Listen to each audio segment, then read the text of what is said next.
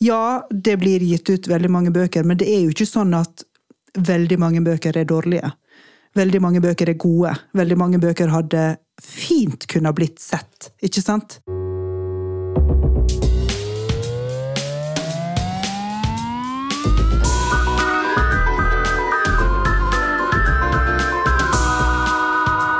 Hei, Marie! Hei, Olaug! Vi skal spille inn en ny episode av Olaug og Aubert På Litteraturhuset. Litteraturhuset. Ja. Og i dag så skal vi oppsummere litteraturåret 2022. Vi skal snakke om snøen som falt i fjor. Hva var det viktigste som skjedde i bokbransjen i Norge? Var det Brynjulf Jungtjønn sitt dikt om Arve Beheim Karlsen, Benjamin Hermansen og Johanne Sangia Ile Hansen? Eller var det Agnar Lirhus-romanen Dragen? Var det striden om normalkontrakten, eller var det debutromanen til Lars Elling? Var det NOU-en til Ytringsfridomskommisjonen, en åpen og opplyst offentlig samtale? Var det metoo-bøkene, eller var det bokbomba til Abida Raja? Og så kan jeg vel kanskje disclaime allerede at vi ikke kommer til å snakke om alt som jeg nevnte i innledninga. Eller har du lest NOU-en til Ytringsfridomskommisjonen, Marie? Jeg har ikke det. Nei, ikke jeg heller. Da stryker vi den. ja, da stryker vi den.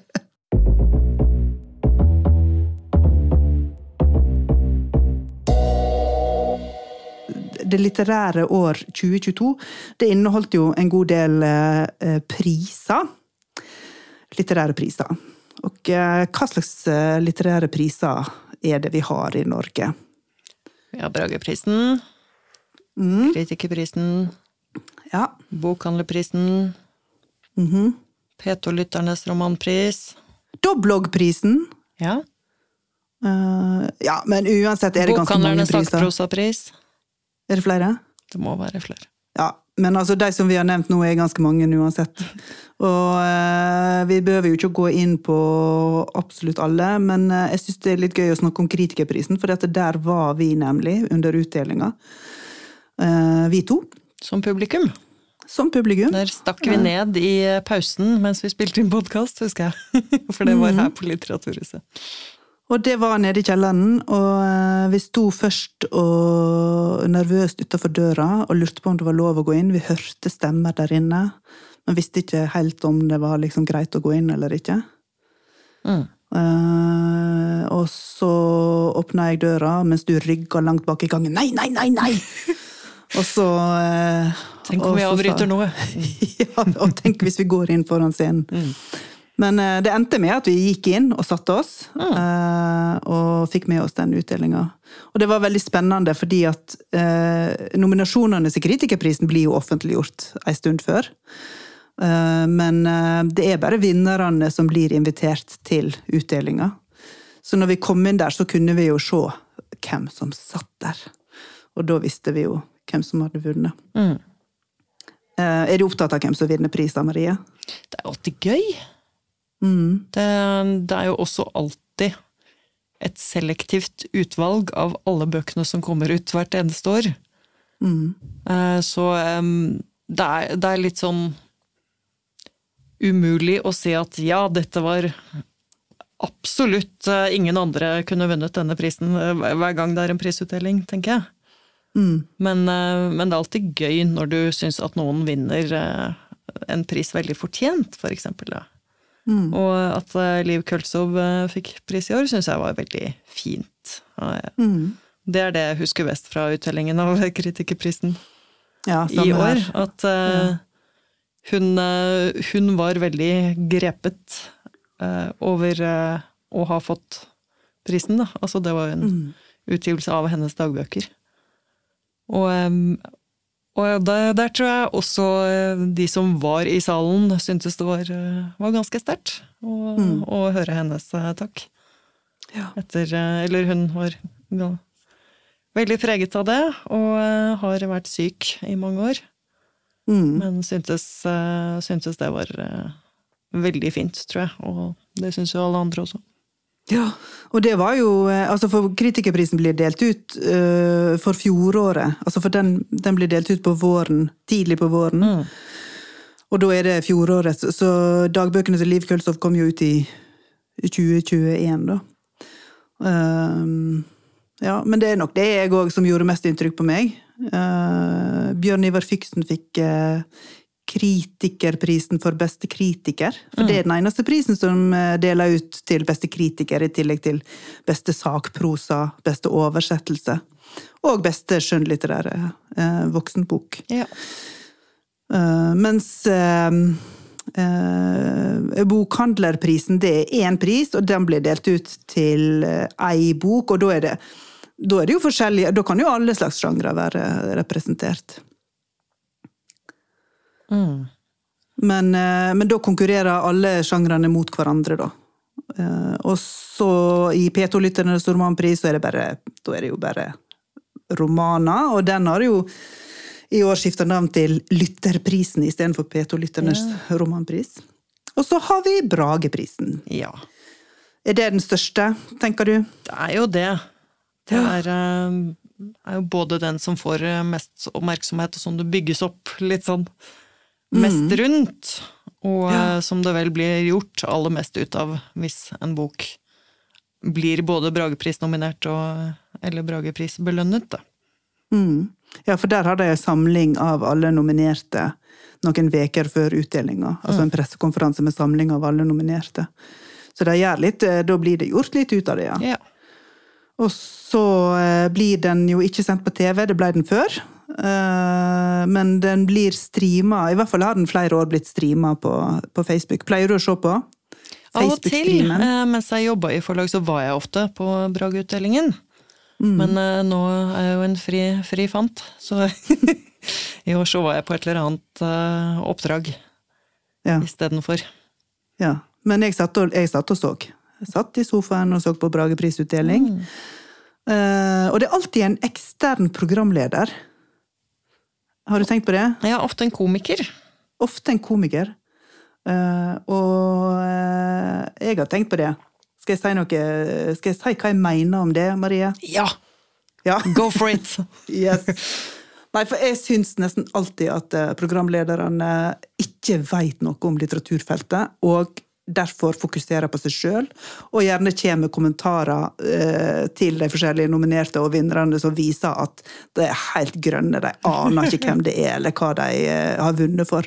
Og for eksempel i år, når det var han Josef eh Yusuf Hadaoui og sier så, så Skavlan, ja, nå er jo ikke han her og kan forsvare seg. Nei, nei men jeg skal ikke bare si noe Det hadde i grunnen vært rart om vi hadde invitert han til podkasten. Han var jo hyggelig da, men han sa jo for eksempel 'Du er jo morsom, jo! Du er jo morsom, jo!' til en av, uh, en av vinnerne som hadde altså, no, sin takketale.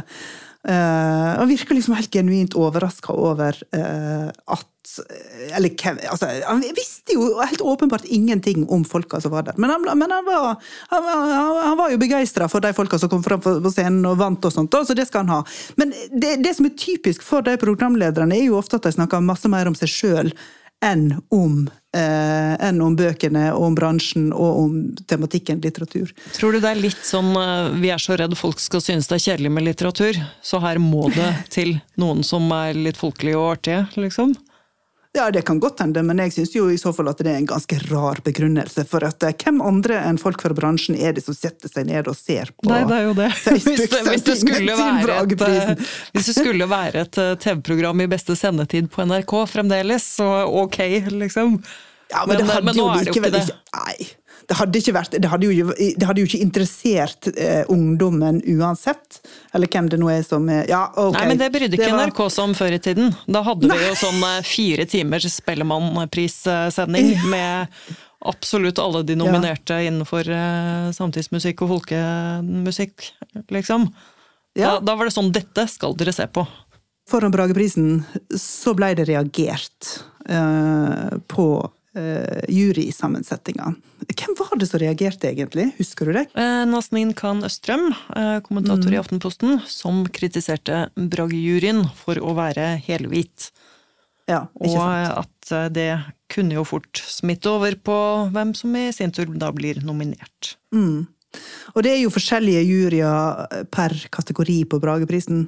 Eh, og Brageprisen har vel kategoriene eh, beste norske skjøn, eh, skjønnlitterære utgivelse, eh, beste barnebok, beste sakprosa. Og så er det en Åpen klasse. Åpen klasse, ja. Mhm. ja. Og det varierer fra år til år Ja. hva, hva som er kategorien der, da.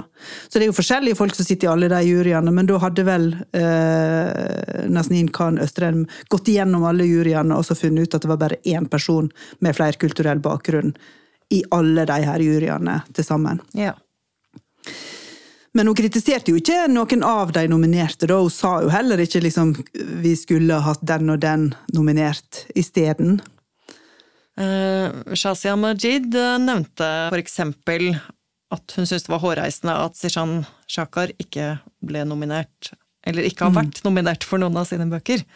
Eh, og mener også da at eh, de norske forlagene må ta sin del av ansvaret for eh, hvilke bøker de nominerer og pusher og sånn. Men nå Ja.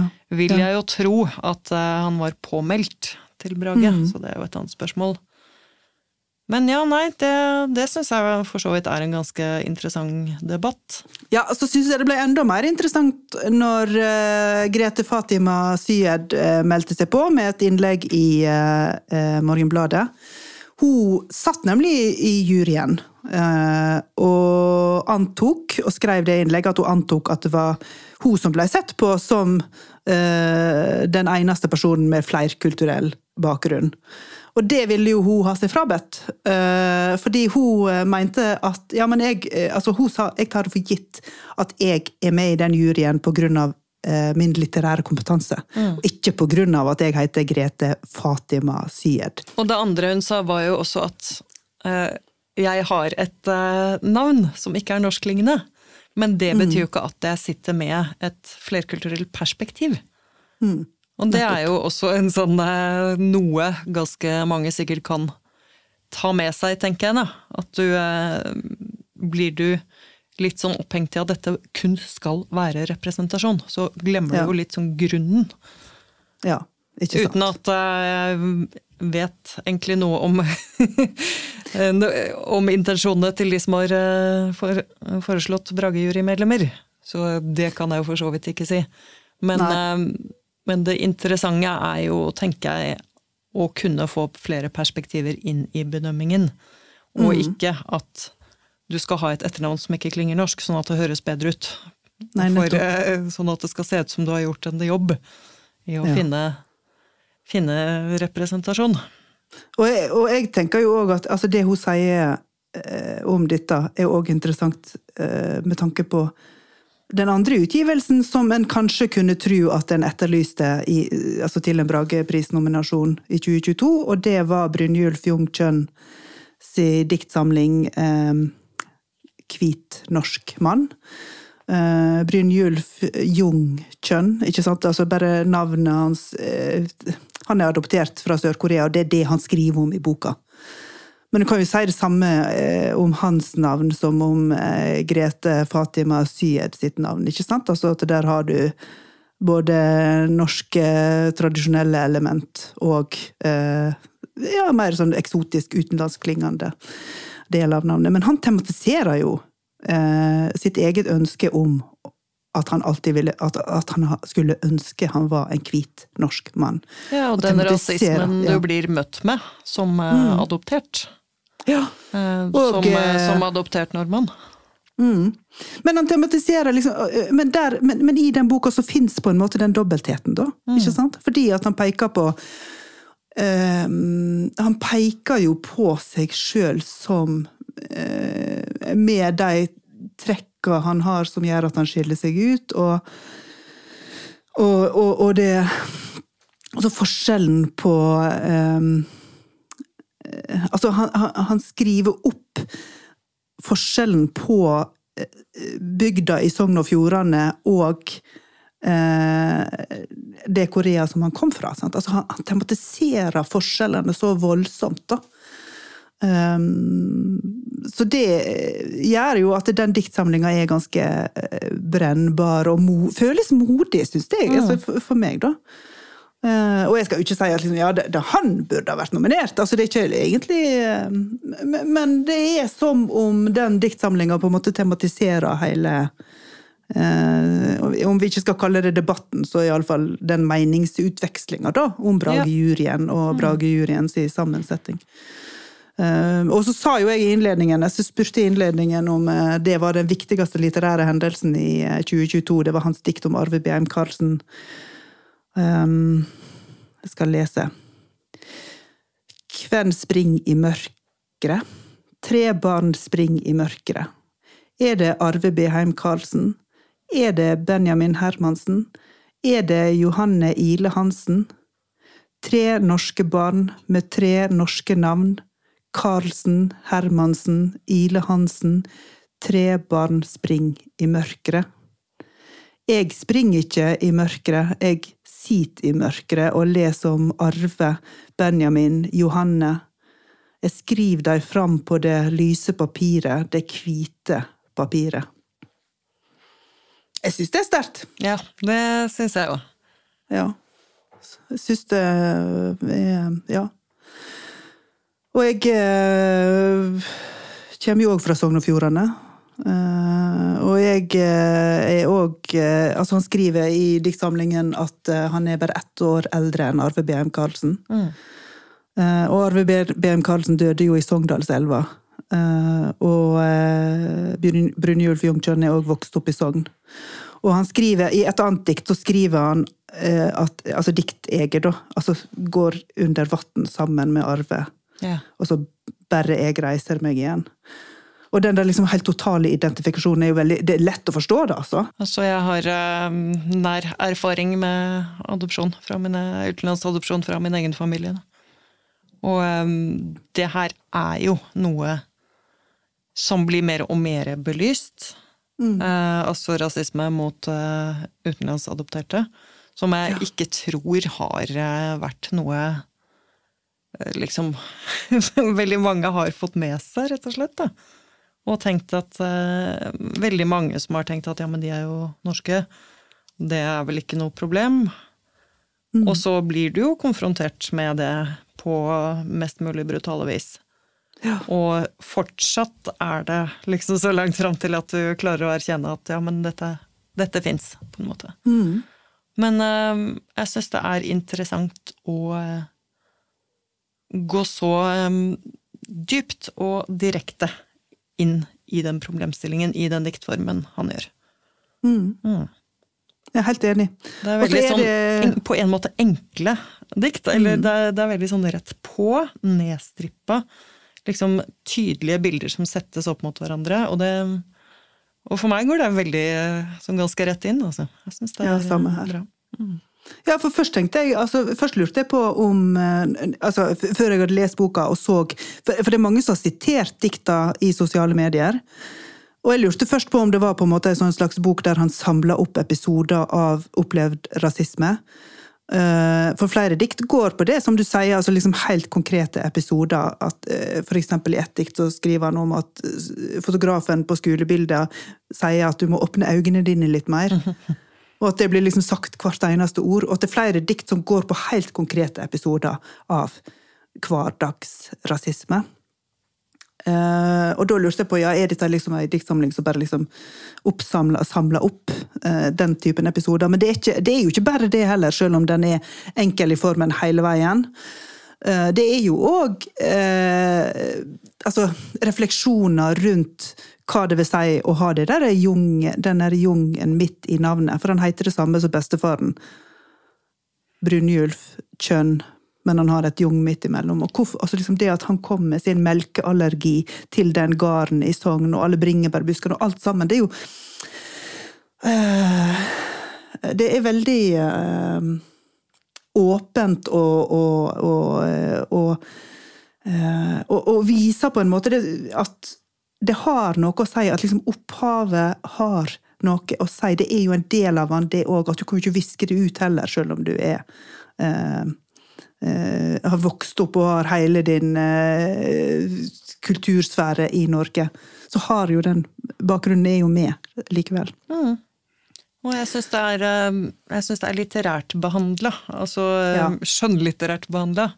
Det er eh, ikke sånn at det like gjerne kunne vært eh, sakprosa. Nei. Eller, Nei, eller en nei. sånn artikkel eh, i Morgenbladet, eller noe sånt. Jeg syns det har en eh, høyere Helt klart har en eh, ordentlig litterær kvalitet, da. Ja, helt enig. Så. En, en bok å ta med seg fra 2022. Ja, absolutt. Absolutt. Eh, Men når det gjelder, eh, for det må vi jo òg nevne når vi først har snakka om det her med Brageprisjuryen sin sammensetning, at en av de nominerte bøkene altså til voksen skjønnlitteratur, vinneren av voksen skjønnlitteratur, Ingeborg Arvola, 'Kniven i ilden', det handler om eh, kvener i, eh, altså som kom fra Finland til Norge. Og der eh, er ikke det bare Jeg holder på å lese den, jeg holder på å høre den på lydbok. Kjempekjekk roman. Eller kjempekjekk Vet du hva som er, kjekt? Det er jo da vestlendingen, Ja, ja. Det er kjekt. Ja, det var nok rett. Eh, men det er eh, for eksempel altså, Hovedpersonen i 'Kniven i ilden' heter Brita Kajsa. Og Brita Kajsa hun har vel eh, er vel sett på som en sånn slags medisinkvinne, da, eller at hun har varme hender, eller at hun er bra med å helbrede folk. Så, ja. Men det som hun egentlig gjør da, eh, eller i, i hvert fall i noen av scenene, er jo sårstell. Hun eh, legger kniven i ilden sånn at den skal være desinfisert og, og varm, og så skjærer hun vekk verk fra sår. Oh, det er jo disgusting, men ganske deilig og samtidig. Eh, også, men det handler jo om flere ting enn det, selvfølgelig. Og akkurat nå så går jeg bare og venter på at den eh, eh, erotiske stemninga som har blitt bygd opp over mange, mange sider, skal få si forløsning. Jeg blir litt skuffa hvis det ikke Bokstavelig ikke talt sin forløsning. Ja, bokstavelig talt. Men det er jo da altså, Du kan jo ikke si at det Det er jo opplagt ei bok som speiler mangfoldet i, i, i det norske samfunnet. Ja, absolutt. Og eh, at eh, Ingeborg Arvola fikk prisen, var jo også noe veldig mange ble glad for. For hun har vært eh, en forfatter med mange utgivelser bak seg, men ikke fått en sånn offentlig anerkjennelse som det å vinne Brageprisen for romanen sin. Og eh, Så at det ble, blir sånn hennes gjennombrudd, da. Det, Ja. det tror jeg også er en sånn ting folk tar, tar med seg fra Ja. Litteraturåret.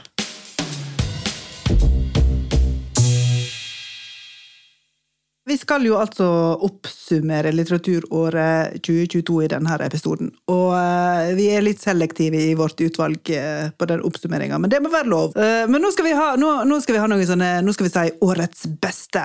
Ja. Ei lita kåring av hva vi syns har vært årets beste i år.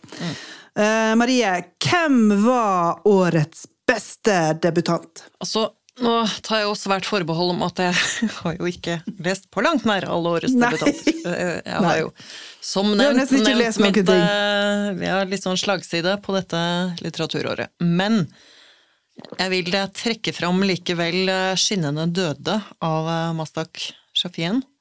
Han Mhm. er riktignok bare romandebutant, for han har eh, gitt ut lyrikk tidligere. Men den syns jeg var skikkelig bra. Ja, så bra. Det, ja. En litt sånn eh, juksedebutant, egentlig, da, men Ja. Men som handler da om eh, eh, det iranske regimet. Ja. Og eh, ja, som, som også er så aktuelt på den måten, da. Men det er ikke derfor Mm. den er god, det er bare en Nei. veldig god fortelling, syns jeg. Ja. Ja. Og den har fått ganske masse gode anmeldelser og det har eh, en god del oppmerksomhet. Eh, Jeg eh, har lest noen debutanter i år, og de jeg har lest, er vel først og fremst de som jeg leste til eh, de store debutantdagene på Litteraturhuset. Og jeg kan jo heller ikke si årets beste, det er for frekt. Men Den, leste den, beste, den beste vi har lest, må vi jo nesten den si. beste vi har lest. Den beste vi har kan lest. ikke kåre ja, uten å ha den beste debutanten vi har lest. Og den beste, og det, jeg, Ting vi har lagt merke til. Ting vi har lagt merke til. Og det som jeg la merke til da, med de her debutantene, det var jo, eller i hvert fall de som jeg hadde, men òg generelt på hele debutantkvelden, var at veldig mange hadde skrevet om Gud, om tru, om religion. Og det liker jo vi, Det liker Marie. jo vi. Det liker jo vi. Ja. Eh, Så da blir de de eh, beste. Ja, da blir alle de som skriver om Gud, blir de beste til sammen. Men jeg tror kanskje at den som jeg eh, Ja, hva skal jeg si da? Den, boka, den av de bøkene som jeg kjemper mest med, det var ei bok som heter Avstøping av Ingrid Brekken Melve. Eh, Den eh, jeg kjempa mest med, og det mente i absolutt beste forstand, altså. Eh, at den var eh, jeg, måtte, jeg brukte masse tid på å tenke på den og forstå den, og, eh, og, det, og den handla om eh, eh, ei dame som faktisk fysisk tror at Altså tror at hun er i ett med Gud, rent fysisk og kroppslig. Og eh, i et intervju med, med debutanten, som òg er teolog, så eh, forsto jeg at det, er, det har vært eh, eh, altså, i tradisjonen av Paulus, at noen har faktisk trodd det tidligere. Ja, mm. At det liksom er en sånn fysisk At Gud fysisk er en del av kroppen din. Og det der tar litt tid å få hodet sitt rundt, det må det være lov å si. Men, det, Mm. men, men, men samtidig utrolig interessant. Så det var min eh, Det var årets debutantbok. Ja. Bok. Kan også nevne at jeg har eh, Leander Djønnes, Oskespiralen, hjemme. Og har Ja. rukket å lese noe sånn som fem sider, men den er, eh, det, så langt syns jeg den er veldig god. Ja. Men da kan jeg, da kan jeg eh, Da er vi like langt i den, for jeg har òg lest fem sider fra den. For jeg, jeg, jeg eh, leste høyt fra den, for han, han kom ikke på debutantdagene, så da fikk jeg i oppgave å eh, lese høyt fra den boka. Så det var òg fem gode sider. Ja, jeg var også på Fem gode sider. Var også Ja. på et arrangement hvor han også var og leste. Og leser også veldig, veldig fint. Ja, Så han nettopp. la jeg også merke til på grunn av det. Og han er kunstner. Ja. Ja. Ok, Marie. Hva var årets beste bok i 2022? Altså, av um, nye norske så uh, gjorde i hvert fall Vigdis Hjorth sin eh, 15 år veldig inntrykk. Og um, altså, hun er jo fra før en forfatter jeg setter uh, veldig høyt, men eh, den her syns jeg nesten er noe av det beste hun har skrevet. Mm. Vi har jo allerede snakka en del om den i en tidligere episode, så jeg trenger jo ikke gå like dypt eh, inn i alt ved den. Nei. Men uh, til det kan vi anbefale live-episoden med Vigdis fra Tromsø. Jeg syns hun eh, når noen sånne veldig eksistensielle dybder som mm. ikke så mange forfattere gjør. Og gjør det liksom her da gjennom en eh, 15-årings eh, sånn eksistensielle krise i løsrivelsen fra sin egen familie. Oppdage, oppdage at hun ikke er ett med familien, men at hun er eh, seg selv, og at de er noen andre. Og at de ikke nødvendigvis forstår hverandre. Og, det, og at hun liksom dveler der så lenge. Tør liksom å stå på samme sted sånn eh, handlingsmessig, og bare grave seg liksom nedover og nedover i hva sier akkurat denne og denne situasjonen, da. Så det kommer så veldig sånn der tett på. Ja. Og eh, samtidig så mm, når den så eh, veldig store spørsmål. Så, så den eh, tror jeg nesten jeg vil framheve for min egen del, ja. Hva med deg? Ja, året, altså, det er jo jeg som slår til og roper 'årets beste', men eh, jeg vet ikke om jeg egentlig klarer å svare på spørsmålet da, eh, sjøl. Jeg, jeg var eh, Jeg syns jo at eh, Hvit norsk mann var virkelig overbevisende. Um, men jeg syns òg at eh, 'Stakkar' av Fallbakken var gøy å lese. Eh, og 'Egne barn' av Trude Marstein, ikke minst, syns jeg var veldig god. Og så er jeg enig med deg i vurderinga av 15 år av Vigdis Hjorth. Så eh, mange, Nei, masse bra. Og så er det ei bok eh, som jeg tenker kanskje er årets av media overs, altså oversette. Altså ei bok som ikke har blitt, fått så noe særlig oppmerksomhet, og det er ei bok av Erlend Skjetne som heter Alt som skrangler. Eh, diktsamling. Det er hans første diktsamling, som handler om eh, eh, ja, og, og en vanskelig omsorgssituasjon. En far og ei datter og en ei mor. Dikt om eh, et utviklingshemma barn. Og den eh, har fått lite oppmerksomhet, men den likte jeg veldig godt. Den synes jeg var veldig god. Men hva slags, altså av, av, av bøker som ikke har blitt fanga opp av media, har du en favoritt, eller er, har du noen som du vil trekke fram? Nå skal jeg snakke om en bok jeg ikke har lest ennå. Ja, som jeg venter på å lese, og det er eh, Mari Andreassens Kjøtt og blod. For eh, Mm. jeg leste novellene hennes i høst. Hun var Bragepris-nominert for novellene. Mm. Um, og eh, hennes romandebut er da Kjøtt og blod. Mm. Og jeg har hørt henne lese fra den, og jeg har hørt henne snakke om den. Og den er i hvert fall jeg skikkelig nysgjerrig på. Ja. Så eh, den, den eh, syns jeg virker som den kunne fått eh, enda mer spalteplass og enda mer rom, da. Fordi de novellene er skikkelig gode, syns jeg. Mm. Hvor lenge varer vi? heter novellesamlingen for øvrig.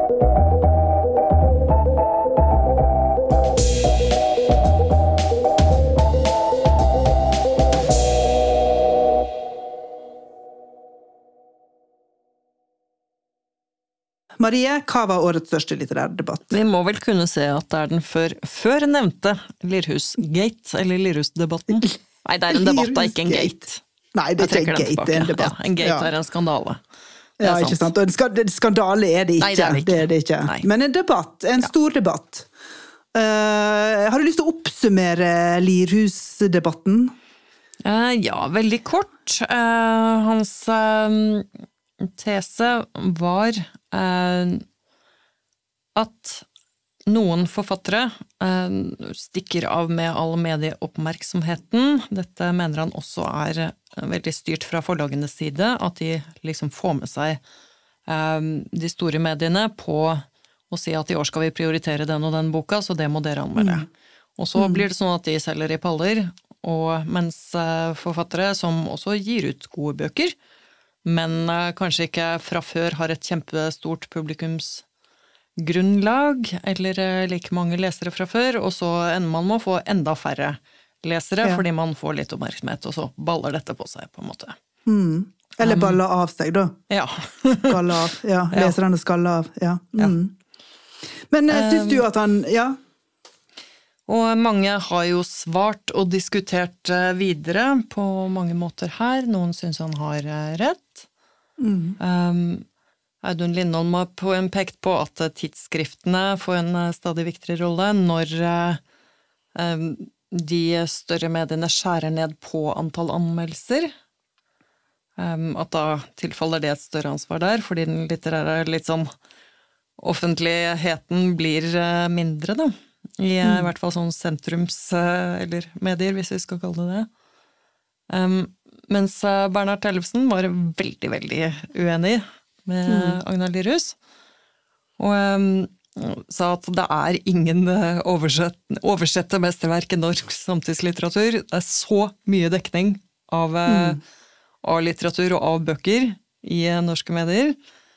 Og, um, og en ting til, hvordan i helvete er det mulig å klage over at Trude Marstein og Mathias Fallbakken og Nina Lykke får oppmerksomhet i media, hvis du er en seriøs forfatter?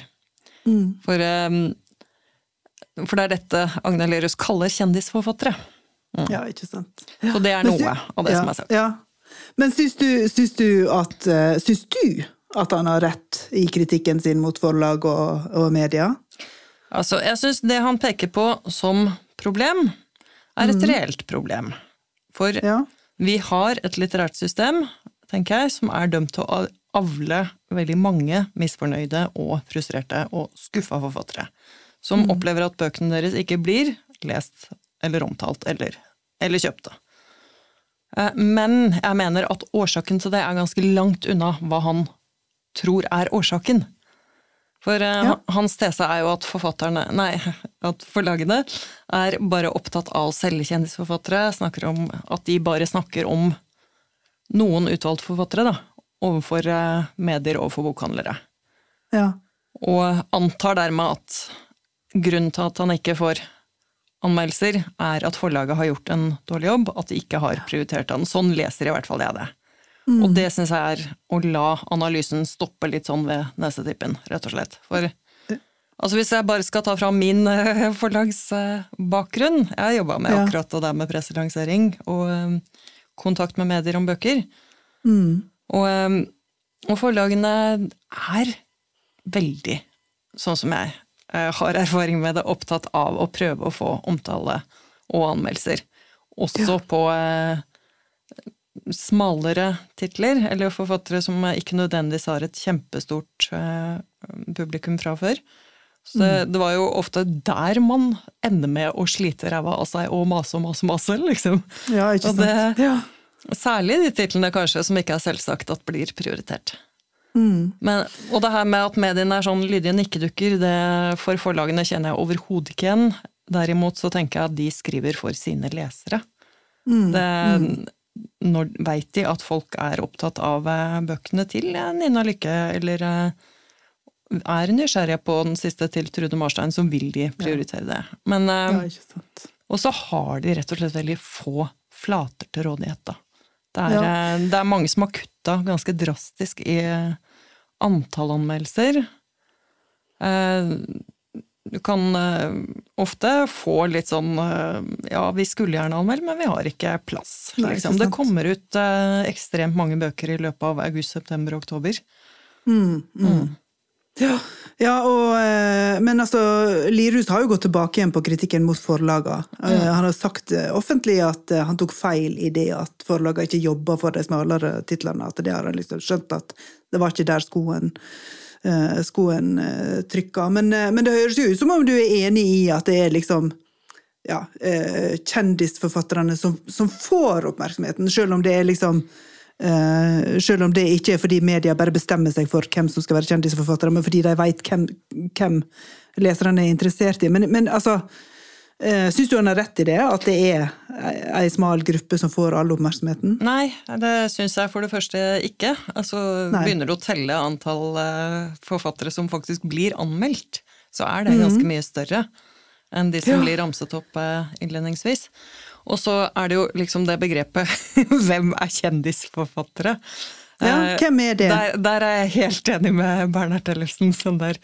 Eh, de virkelige kjendisbøkene er Ja. Therese Johaugs eh, selvbiografi og treningsbok med Funkygine og ADHD-bok med Herman Flesvig. Det er det som er kjendiser. Og det Ja. er jo ikke Sjakar og Marstein og Fallbakken.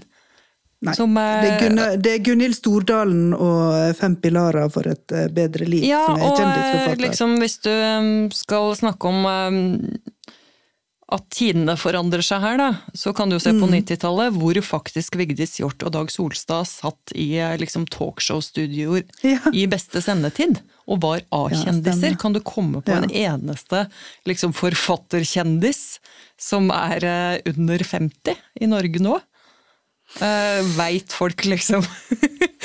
Nei, det er det, sant. det er jo blitt uh, en helt annen offentlighet enn det var. Så Ja. å tenke at det er kjendisfokus, at uh, Nina Lykke, som faktisk har vært Norges mestselgende forfatter, får et innslag Mm. på Dagsrevyen, at det er liksom tegnet på uh, vår fallerte offentlighet, det syns jeg er en veldig enkel og ganske grunn analyse. Nå, nå begynte jeg å se for meg liksom en, et Farmen eh, med kjendiser som var forfattere. Det er liksom litt vanskelig, egentlig. å eh, altså Kjendisfarmen med Helga Flatland og, eh, og, eh, Og? Lars Mytting, kanskje. Ja, jeg ville vært med. Jeg ville, ja, jeg hadde, det hadde jeg sagt ja til, ja. Eller bare litt sånn uh, innesluttede nynorskforfattere som sitter og ser på hverandre. Men det er jo stort Ja. sett ingen som veit hvem, hvem de er. Hvem vi er. Nei, ikke sant. Det er ikke mange Nei, er som ikke liksom er sånn kjente-kjente. Bortsett fra Knausgård eh, nå, da. Anne B. Ragde kunne, eller Unni Lindell, Ja, Men de er litt eldre igjen. Hvis du tenker Ja, liksom sånn eh, Ja, ny er eh, Hvem er den oppvoksende generasjonen av litt sånn eh, kjente forfattere? Kjendis, Så er ikke det veldig mange. Nei, det er ikke Jeg det. tenker det litt sant. at eh, sånn Knausgård og Tore Renberg var litt sånn den siste generasjonen med, med det, da. For Ja, nå er akkurat. offentligheten så veldig Ja. oppdelt, og alle har Ja. litt sånn sine bitte, bitte små offentligheter. Ja, og kuraterte er feeder og eh, hvem de følger på Instagram. Så folk ser jo ikke samme program eller leser ikke samme bøker. Det, det, er, eh, Nei, det er en helt sant. annen medievirkelighet. Altså, det gir ikke mening å snakke om disse forfatterne som at de tar eh, oppmerksomheten fra mindreselgende forfattere. Den eh, kampen Men den kampen tenker jeg vi har med mobiltelefonen vår og Mm. Netflix, og eh, et mye større sånn slag om oppmerksomheten. Ja, altså i det, hele, i det store og det hele. Ja, et i større det slag store om oppmerksomhet, Det. Ja. det er et veldig, veldig mye større bilde.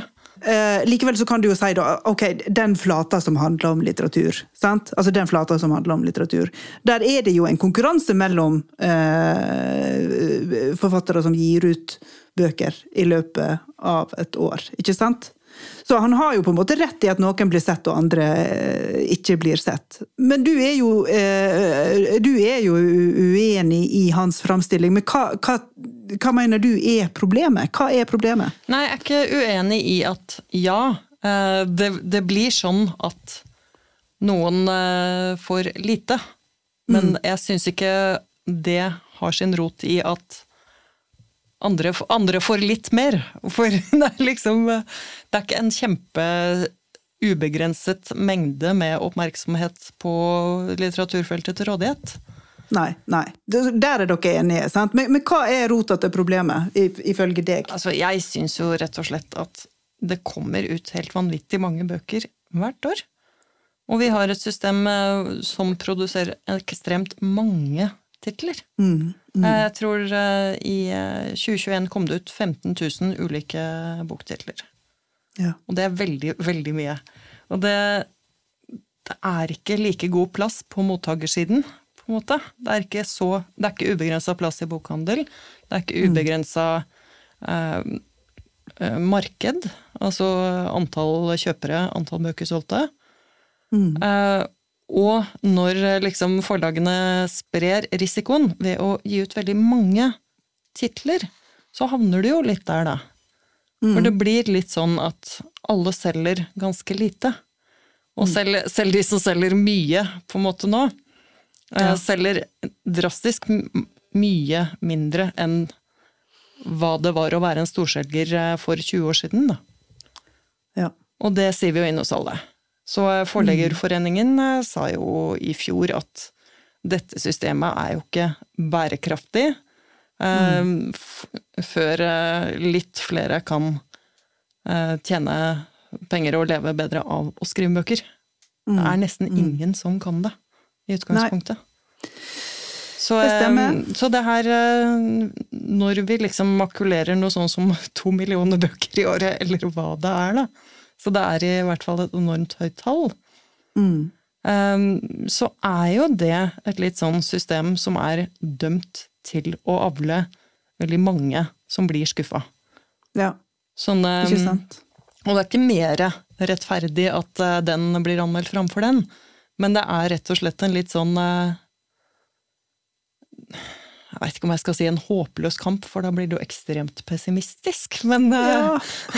det er det jo ikke Ja. nødvendigvis. Men det, men det vil være litt sånn i framtiden også, tror jeg. Hvis man Mm. skal regne det å bli anmeldt i enten VG, Dagbladet eller Aftenposten som det alle fortjener. Ja ja. Nei da, men det skjer jo eh, ikke, på en måte. Nei, det, det kommer ikke til å skje, men det er jo eh, Jeg, jeg syns jo at det er eh, Altså, jeg, jeg, forstår veldig godt frustrasjonen, det må jeg si. Det gjør jeg Altså, jo. altså, Ja, ja, ja. Fordi at når du leser ei bok som 'Dragen' av Agnar Lierhus, og eh, liksom bare ganske raskt erkjenner og ser at dette er ei god bok sant? Altså, det her er ei bok som har vært jobba skikkelig med, og det er eh, Altså, det er sannsynligvis en del research og, og ikke minst en veldig god og interessant litterær bearbeiding. Og så vet en jo at det gjelder jo ikke bare den boka. Det gjelder veldig mange av bøkene som blir gitt ut. Fordi Ja. at eh, ja, det blir gitt ut veldig mange bøker, men det er jo ikke sånn at veldig mange bøker er dårlige. Veldig mange bøker er gode. Veldig mange bøker hadde fint kunne blitt sett, ikke sant? Ville, veldig mange bøker ville du hatt noe igjen for å lese. Eh, Det er ikke liksom sånn derre Det er ikke en eh, overproduksjon av eh, Av eh, ja, hva skal jeg si da, av First Price fiskepinner. Det er en overproduksjon av eh, seipanetter. Jeg jeg vet ikke om den metaforen var kjempegod, men, men, men altså eh, Av fersk kveite, tenker du? Ja, fersk kveite. Ja, det, det, det, er, det er masse bra som ikke blir sett og ikke blir lagt merke til. Så du er, du er uenig med Bernhard Ellefsen at det ikke finnes oversette mesterverk i norsk samtidslitteratur? Ja, det, jeg, jeg syns jo at det er en eh, helt klart arrogant påstand.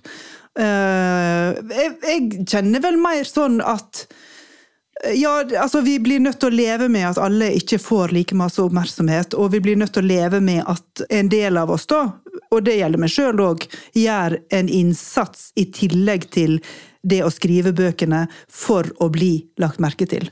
Når jeg ga ut eh, romanen 'Tungtidstale' i 2017, da gjorde jeg en voldsom innsats, altså. Det gjorde jeg. Eh, I sosiale medier for å gjøre boka kjent overfor folk som var interessert i tematikken. Um, men òg at jeg liksom bevisst drev og sendte bøker til politikere. ikke sant? Altså, og, gjorde, og, og, og, fortalte i sosiale medier at nå har jeg sendt bøkene til politikere. Og så videre, sant? Altså, det var jo en jeg vil jo ikke si at det er utelukkende kynisk for å få oppmerksomhet, eh, men at, eh, fordi at jeg mente jo at det jeg hadde å komme med var viktig og skulle bli sett. Altså For enhver pris. Dette må dere se, politikere og alle sammen. Sant? Se dette, se dette. Eh, Så jeg, jo, altså, så jeg tenker jo ikke det at liksom, nei, det, sånne ting må du ikke gjøre, for det er kynisk. sant? Men jeg vet ikke om jeg ville gjort det med ei annen bok. Mm. Men det funker, da. Poenget er vel egentlig at det funker. Men det er jo absolutt ikke alle som eh, som har lyst til, eller kan, eh, op operere på den måten. For det er jo òg, altså Sosiale medier er jo òg et marked som blir metta av folk som promoterer seg sjøl. Ja, og du ender jo litt sånn med å snakke til dine egne følgere, som du har sagt det samme til hundre ganger før, på en måte. Men, eh, men min erfaring er jo at forlagene gjerne oppfordrer forfatterne til å bruke sosiale medier til å gjøre bøkene sine kjent. Og ikke være redd for det, da. Jeg tror også det er eh, mer eh, påkrevd. Ja. Eller du kan ikke helt sånn De fleste kan ikke, i hvert fall sånn helt slippe kontrollen og tenke at denne biten tar forlaget seg av. Mm. Du blir mer ansvarlig selv for din, eh, for din egen bok, da, og for din egen synlighet. Eh, Men eh, en annen ting som ble nevnt i debatten, det var jo det her med at det var lurere å gi ut bok på våren, for da var det bedre plass. Da er det mer oppmerksomhet å ta av. Det er jo i hvert fall bedre plass. Det er jo litt sånn bakvendt på mange måter at nesten alle bøker kommer ut eh, mellom 1. august og eh, tidlig i november. For eh, det er jo ekstremt vanskelig å skulle litt sånn slåss om plass eh, både i bokhandler og eh, i medier. I løpet av noen uker hvor absolutt alle andre skal eh, gi ut bok, de også, på en måte. Det, er ikke, det er jo litt sånn Sånn vi har ordna oss. føler jeg, i bokbransjen. Fordi julesalget er så viktig. Og så um, kunne man jo absolutt uh, spurt seg om uh, andre eh, ting også er mulig. Så eh, jeg ser jo flere forlag har begynt å legge mange utgivelser tidligere på året, eller om sommeren, eller Men altså, det der med julesalg, at julesalget er så viktig, altså, det, det skjønner jeg jo på en måte fordi at forlagene skal overleve og gjerne vil liksom altså, i, I hvert fall de bøkene som en er sikker på, eller i hvert fall antar kommer til å selge godt, at en vil ha dem ut på høsten, sånn at en skal få de inntektene fra, fra julesalget. Men altså, er det den eneste målet på om ei bok er vellykka, om det liksom slår igjennom på julesalget? Eh, Altså, jeg, Du hører på stemma mi hva jeg syns er svaret på det spørsmålet. Nei, sant? sier Altså- Olaug Nilsen. Nei, det er det ikke, altså. Ah, Men hva syns du, da? Hva er en vellykka utgivelse, Marie? Kommer jo helt an på hvor man har eh, lista. Mm. Hvis man har tenkt på om man skal selge 100 000, så vil jo alt annet være et nederlag. Altså, Vi har jo et uttrykk som heter 'forfatternes forfatter'. ikke sant? Altså at eh, en, eh, Hvis det er en forfatter som andre forfattere syns er veldig god, men som kanskje ikke når helt ut til publikum, da tenker jeg at, eh, at det òg kan være vellykka utgivelser. sant? Altså for en sånn type forfatter. Ja, fordi at eh, For da er det jo på en måte Da kan en jo snakke om at litteraturen er autonom og har en verdi i seg sjøl? Men jeg tror at eh, hvis du er en sånn type forfatter, da Du kan si en liksom helt smal forfatter, men likevel anerkjent. Mm. Eh, ja, så avhenger det av likevel anerkjent. Eller i alle fall lest, diskutert. Og da kan det jo gjerne være innenfor smale, altså eh, mindre forum. Men at du liker En eller annen form for feedback må du ha. En Ja. eller annen form for uh, anerkjennelse av eksistensen til ditt verk må det være. For hvis ikke, så er det ikke eh, Da er ikke det vits i, altså. Nei, Uh, Philip Roshaug, som er uh, musikkjournalist og redaktør av Jazznytt, og musiker. Men han snakka veldig fint om det ved en eller annen omledning, eller skrev at man vil at det skal bety noe. Man vil Ja. at det skal ha skjedd. Ja, Eh? Det var vel i forbindelse med mm, at uh, Spellemannprisen knapt nok eh, ble lagt merke til av noen, plutselig, og nesten eh, eh, nedskalert på alle måter. Mm. Og eh, det er ikke det at man syns at eh, alle burde sitte og se på dette lørdag kveld, sånn Nei. som det var for eh, 30 år siden. Mm. Men eh, det er noe med det at alt det arbeidet du legger Ja. i et sånt kunstnerisk produkt, Mm. så vil du at det skal bety noe. Og de Ja. samlingspunktene blir da viktige. Og de prisene. Og eh, Mm. den samtalen rundt det her. Ja. For, eh, for det er akkurat den følelsen av å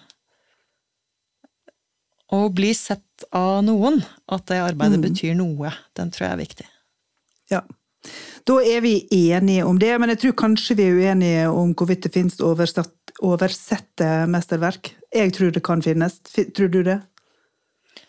Ja, nei, jeg er ikke så uenig i det som som du påstår at jeg er. Nei, ok.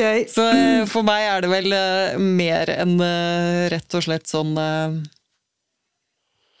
Det er nok riktig, men jeg syns man må adressere årsakene der de eh, er. Ja. Og, ja ikke, og ikke finne på hvem som kanskje har skylda for dette, uten at man egentlig har satt det der inn i en litt større sammenheng. Da. Det er mer det. ja, men jeg tror egentlig vi er helt enige, og nå tror jeg vi skal Rørende enig. Ja, vi er rørende enige, og nå skal vi avslutte. Det siste vi skal gjøre i dag, det er noe som eh, vår eminente produsent Ina Fjellhøy ikke får lov å klippe vekk. Du får ikke lov hvis du gjør det, så eh, Ja, jeg har ikke noe passende straff, men du får ikke lov å klippe det vekk. Kjære Ina, Kjære Ina. vi har bare lyst til å si tusen takk. For dette er den siste episoden eh, Ina produserer for oss. Vi har satt så pris på å ha deg som produsent. Hardt arbeidende, kunnskapsrik, kjempehyggelig. Det er det siste vi skal si. Det er det siste vi skal si. Takk for i dag, Takk for og takk dag. Ina Fjellhøy! Ha det! Ha det!